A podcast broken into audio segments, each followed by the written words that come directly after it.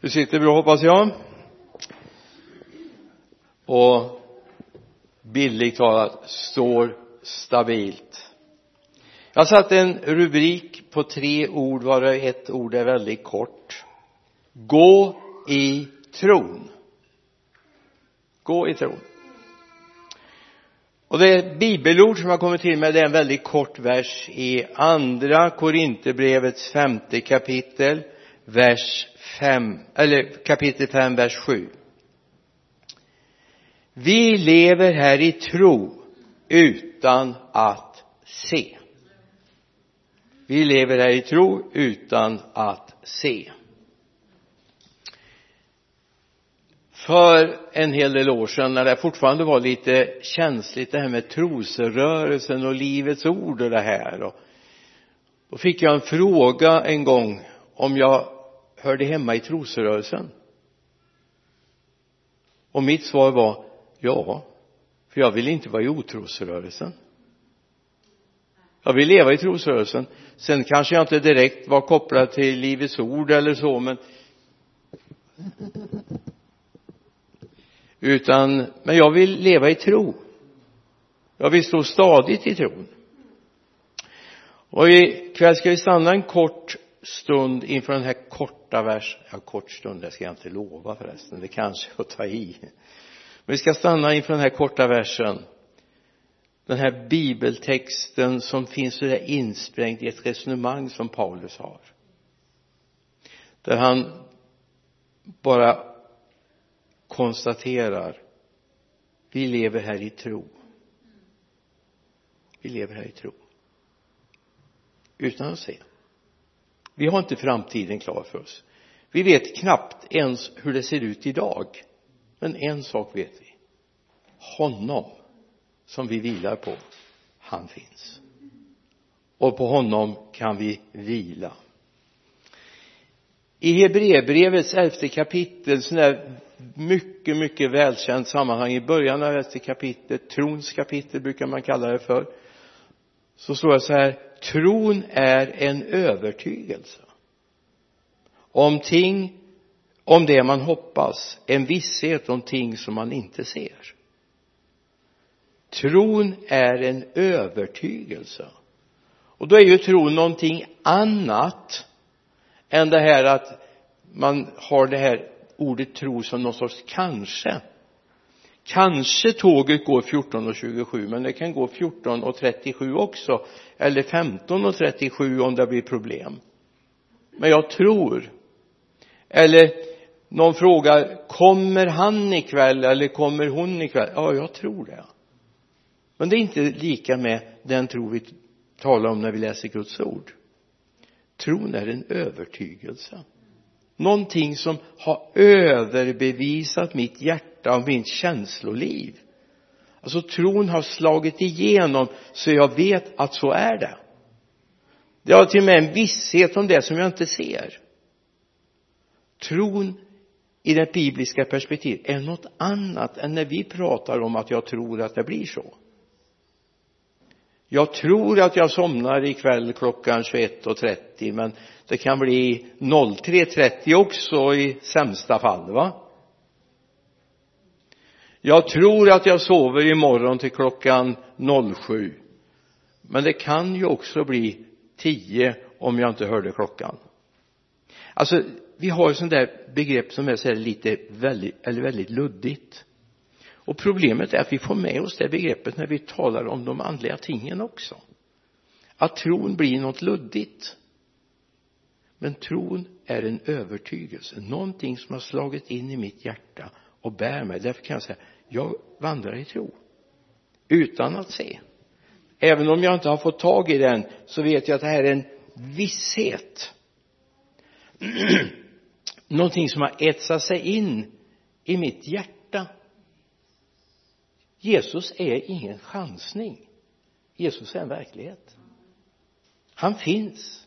Och han lönar dem som tror på honom. Det är ingen hoppaslek. Utan jag vet att det håller att lita på honom. Och det kommer ge många bönesvar och läkta armar och vad det nu kan vara.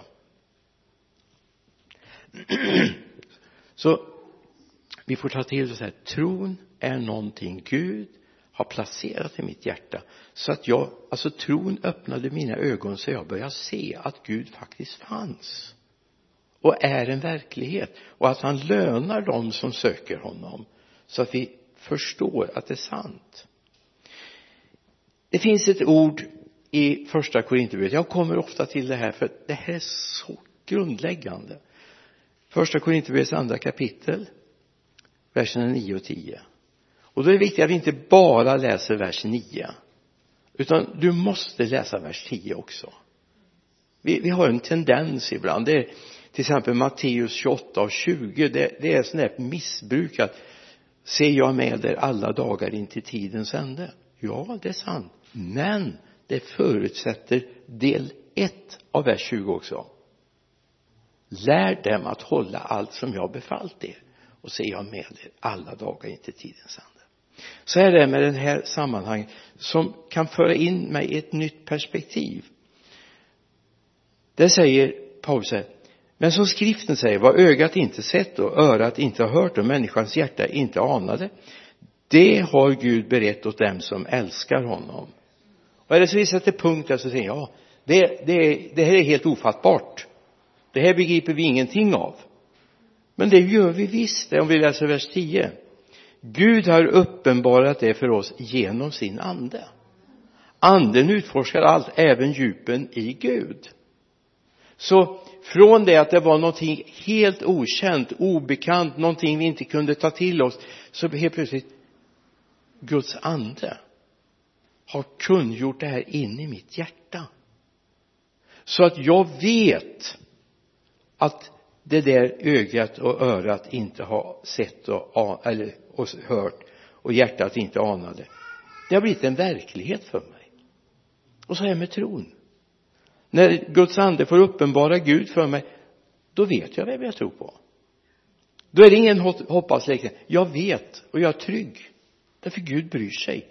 Och jag kan vila i vad han har gjort. Så genom anden ser vi vad andra människor inte kan se, ana eller förstå. Så jag menar, det är väl inte så underligt att vi är glada mitt i en bedrövlig värld, eller hur? Jag menar du får dra på smilbanden även om de ser bedrövligt ut i världen va? Därför Gud har uppenbarat facit för oss. Jag menar när jag gick i skolan och gick på prov så hade det varit väldigt bra om Gud hade uppenbarat facit för mig.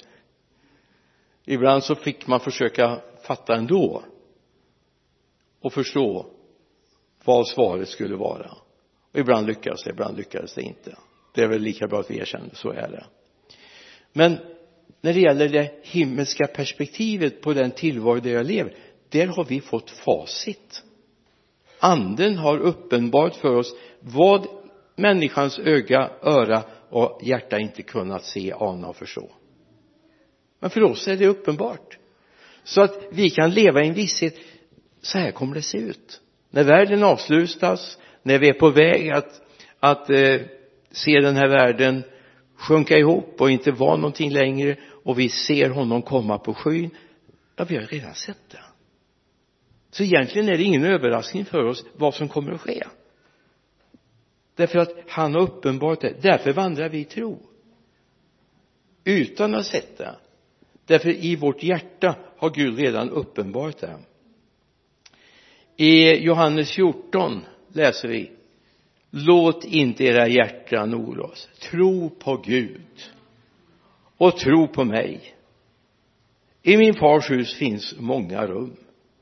Om det inte vore så skulle jag då ha sagt er att jag går bort för att bereda plats för er. Och om jag nu går bort och bereder plats för er så ska jag komma tillbaka och hämta er till mig för ni ska vara där jag är.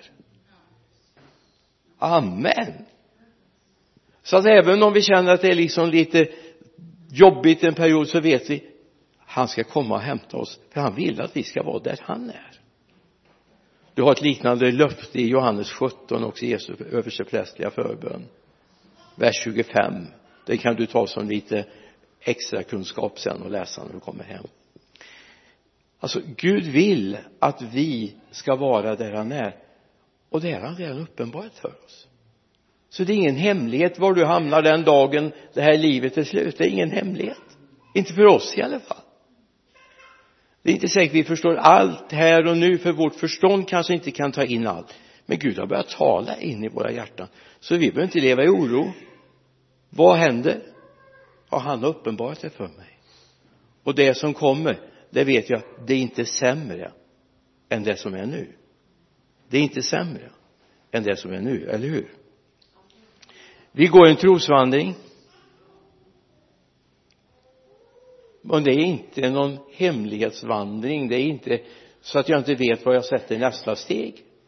Det är en trygg vandring för jag vet ett. Tron är på honom. Så jag vet att håller jag mig till honom så kommer jag ha fast mark imorgon också. Det kommer inte gunga under dina fötter imorgon heller. Och det är väl gott att veta för det finns många, mycket som stormar och mycket som blåser emot och är jobbigt. Men det håller imorgon också. Så länge vi är kvar på den här jorden så håller det. Om hela jorden rasar samman så vet vi det är inte det vi vilar på. Vi vilar inte på att den här världen består. Vi vilar på Guds ord på tron på honom. I andra Timoteusbrevet skriver Paulus någonting i vers, kapitel 1, vers 12 det är därför jag fått lida allt detta. Men jag skäms inte. För jag vet vem jag tror på. Och jag är övertygad om att han har makt att eh, att fram till den dagen bevara det som anförtrotts mig. För jag vet vem jag tror på. La du märke till vad det står? Det står inte jag vet på vad jag tror utan på vem jag tror. Vem jag tror. Så att vi behöver inte vara det minsta oroliga. För så sjöng vi en sång. En, en eh, bönesång kallar man det för. Jag tror det var Pelle Karlsson som initierade en gång i tiden. Men det kunde vara någon annan. Jag, jag hade en inspelning med honom i alla fall där vi sjöng giv oss herre öppnade ögon vi vill se Jesus vidröra honom. Lär oss att lyssna höra hans stämma. Giv oss herre öppnade ögon vi vill se Jesus vidrör honom. Låt oss eh, lär oss att lyssna höra hans stämma. Vilken bön! Vilken bön! I Hebreerbrevets tolfte kapitel så uppmanas vi i den andra versen och låt oss ha blicken fäst vid Jesus. När jag första gången skulle köra bil i Stockholm alltså egentligen är det lite pinsamt att berätta det nu då för den trafik som var då det här var 67 skulle jag jag bodde ju i Stockholm då ett år. Och så skulle jag till ut till Farsta till en släkting till min bror. Var bjuden på middag ute i Fars, Farsta centrum var det. Och jag hittade inte alltså jag visste ju inte var det norr eller söder. Ingen hade berättat var Farsta låg. Nu vet jag var Farsta ligger men då visste jag inte. Och med trafiken 67 jämfört med nu är ju nästan bara pinsamt att säga att man hade jobbigt med. Det är ju nästan som att köra i Lidköping idag. Och det går ju, eller hur? Det klarar ni varenda en. Så jag fick en som skulle köra före. Och han hittade ju Stockholm. Och han hade ju gasen i botten hela tiden. Jag fick ju inte släppa den bilen för ja men alla bilar i mina ögon såg likadana ut. Men jag visste att om jag bara har blicken på honom och hänger med så kommer jag rätt. Och det var jättejobbigt i vissa korsningar. För det helt plötsligt slog ju ljuset om och han bara försvann rätt över. Och så fick jag så vänta och vänta och vänta så skulle jag bli grönt och så skulle, hade han bromsat in lite grann så jag fick kontakt och så småningom kom jag till Farsta och, men det här har ändå talat till mig. Det är inte så att Jesus springer ifrån oss. Men om vi börjar bli upptagna av andra saker så tappar vi fokus. Då börjar vi tappa fokus på Jesus. Och jag tror att det är så oerhört viktigt att vi i den här tiden där så mycket händer och så mycket som tar vår uppmärksamhet att vi aldrig släpper blicken på Jesus. För då kommer vi fel. Så det är viktigt att vi hela tiden är nära honom, går med honom. Det är inte så att han springer ifrån men vår blick springer ifrån honom ibland och då är det viktigt att vi har blicken på Jesus. Sen finns det en annan hemlighet i det när vi har blicken på Jesus. Jag menar när jag började läsa teologi då visste man inte om det här med överföring via wifi och via nu kan man ju ladda telefonen utan att koppla in den och sådana här saker va? Med magnetfält och det här. Det fick jag ju lära mig så småningom när jag läste då elkunskap att det finns möjligheter och vad som händer under stora kraftledningar. Ni vet att på ett enda ställe får man ha 800 kilovolts ledning annars är det 400 kilovolt som är max i Sverige. Därför man vet inte riktigt vad som händer på djurbesättningarna under de här magnetfälten det här hade vi ju ingen aning om när jag började läsa teologi. Men nu har jag fattat det. Om jag bara håller mig nära Jesus så förmedlas någonting in i mitt liv som förvandlar mitt inre. Så det är inte nog med att jag hittar rätt jag uppfylls av honom bara jag är i hans närhet. Och då är det ju värt att verkligen kämpa på att få vara nära honom, eller hur? För det händer någonting. Det är inte bara från hörntofsen som kvinnan med blödningar sträcker sig efter utan i hans närhet.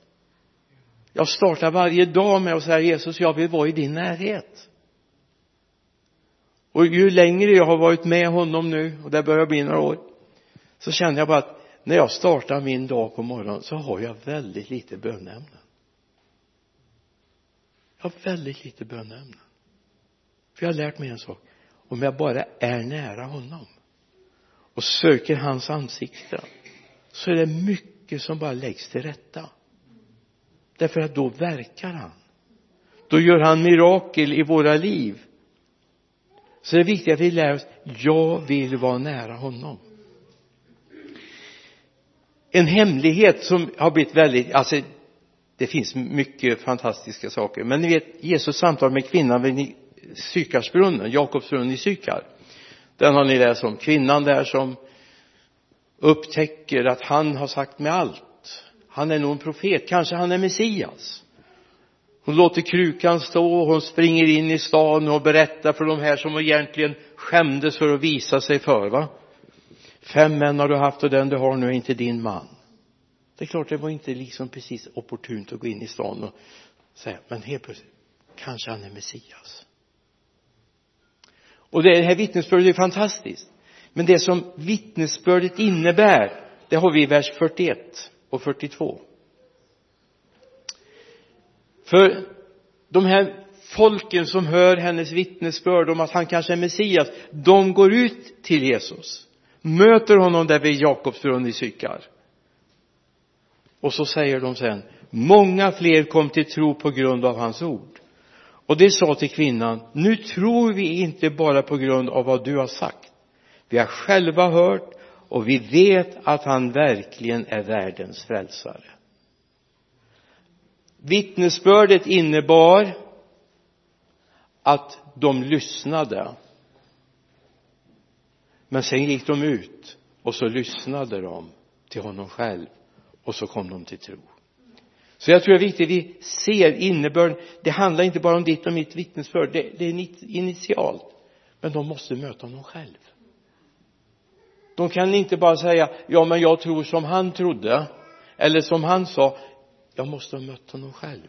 Så våra vittnesbörd måste innebära att människor får möta Jesus själv. Två bilder bara i sluttampen. Tron på Jesus är viktig. Jätteviktig. Men låt mig få ta en liten bild. Om någon ska klättra upp för ett berg och behöver ett rep så hjälper det inte hur hårt den här personen håller i repet. Hur väl den än surrar sig vid repet om inte repet är väl fäst så är det med vårt vittnesbörd. Det är repet. Men sitter det inte fast i Jesus så kommer det ändå inte hjälpa människor att komma rätt. Vårt vittnesbörd måste vara förankrat i Jesus så att människor får tag i Jesus jag tror det är jätteviktigt. Så det handlar inte om hur hårt jag håller i repet om inte repet sitter fast i honom. Förstår ni? Eller sitter fast där uppe. Det andra är en liten sån här vad ska jag säga dråplig liten berättelse som kanske aldrig har hänt men kan beskriva någonting. Det är ju mannen och kvinnan som går över den blankslitna isen och han hade dåliga skor så han är som en Bambi på hal is vet du. Och han gnäller och hon tycker ja men nu får du gå försiktigt Evert. Det går ju inte. Du kan ju tänk om du trillar omkull och slår det här på isen. Och då vänder han sig om och är lite vredgad och så säger han det går an för dig att säga som har handväskan att hålla i. Men var satt den fast då? Alltså ibland är det så att det är viktigt att vi vet att vi har ett fäste och det räcker inte med en handväska. Den kanske kan vara bra att hålla balansen jag vet inte. De brukar vara tunga de där damhandväskorna. Så det kanske är bra jag vet inte. Lite trycker ner mot isen eller så. Alltså det är viktigt att människor får tag i Jesus och vet att de är förankrade. Och då finns lösningen. I Johannes 16 säger Jesus vers 13 men när den när han kommer sanningens ande då ska han leda er in i hela sanningen. Han ska inte tala av sig själv utan bara tala det han hör. Och han ska förkunna för er som, vad som kommer att ske. Och så säger han han ska förhärliga mig. Har du en förhärligad bild av Jesus? Har den helige ande gett dig den? Det är ljuvligt det är ljuvligt att ha en förhärligad bild av Jesus. För han ska föra mig in i hela sanningen. Han ska inte bara tala av sig själv utan bara tala det han hör. Och han ska förkunna för er vad som kommer att ske. Att gå i tro att leva i tro att ha sitt liv förankrat i tro det är att också ha sin liv förankrat i Jesus. Det handlar inte om tro på vad som helst utan tro på Jesus. Låt oss ha med oss det. Herre jag ber. Låt oss vara väl förankrade i dig Jesus. Och veta att det vi tror på det är förankrat i dig. Herre det får genomsyra våra tankar vårt liv vårt handlande. Och herre när vi går i den här världen som en trasig värld så tackar vi dig herre för att vi har dig att följa i allt. Amen.